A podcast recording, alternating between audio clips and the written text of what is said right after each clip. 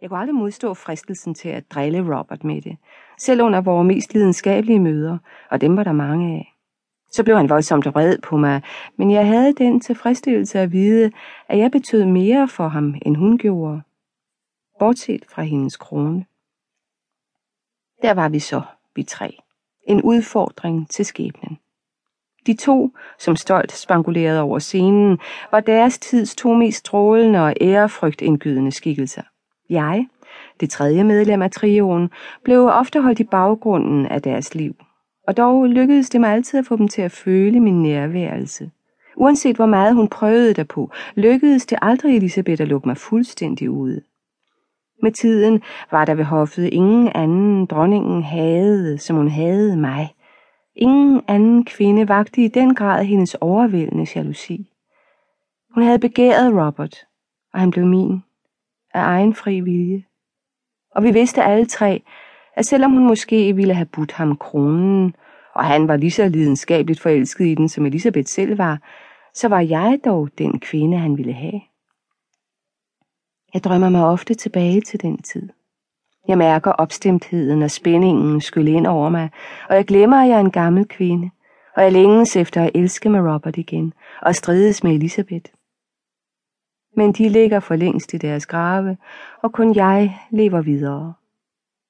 Så det er blevet min trøst at tænke på fortiden, og jeg genoplever det hele, skønt jeg samtidig spekulerer på, hvor meget der er, jeg har drømt, og hvor meget der var virkelighed. Jeg har forbedret mig nu. Fruen på godset. Nogen går i kloster, når de har levet deres liv, sådan som jeg har. De angrer deres synder og beder 20 gange om dagen om tilgivelse, i håbet om, at deres fromhed i sidste øjeblik vil sikre dem en plads i himlen. Jeg har hengivet mig til godgørenhed. Jeg er jo den rige frue. Mine børn dør, men jeg lever videre. Og nu er det faldet mig ind, at jeg vil skrive det hele ned, som det skete. Og det vil være den allerbedste måde at genopleve det hele på. Jeg skal forsøge at være helt ærlig. Det er den eneste måde, hvorpå jeg kan genopleve fortiden. Jeg vil forsøge at se os, som vi virkelig var. En strålende trekant. For strålende måtte den simpelthen være med disse to funklende i dens to spidser, så strålende, at man kunne blændes af glansen. Og jeg selv lige så betydningsfuld for dem, trods al deres magt, som de var betydningsfulde for mig. Og hvilke følelser gennemrystede ikke denne trekant? Roberts kærlighed til mig, hvilket gjorde mig til dronningens rivalinde, hendes had til mig, udsprunget af hendes jalousi og af bevidstheden om, at jeg kunne tilfredsstille ham i en grad, som hun aldrig kunne, hendes raserianfald, som dog på en eller anden måde aldrig fik hende til at glemme, hvad der var til hendes egen fordel. Og hun dog afskyede mig. Hun kaldte mig denne glupske hundulv, hvilket andre efterabede mere for at tækkes hende, end af foragt for mig. Men jeg, kun jeg, af alle kvinderne i hendes liv, skulle komme til at koste hende så meget i jalousi og smerte, og kun hun skulle komme til at koste mig så meget. Vi var modstandere, og hun var den stærkeste. Det var hendes magt imod min skønhed, og Robert blev, som den type mand han nu engang var, draget snart mod den ene, snart mod den anden af os to. Måske var det hende, der vandt. Hvem kan sige det?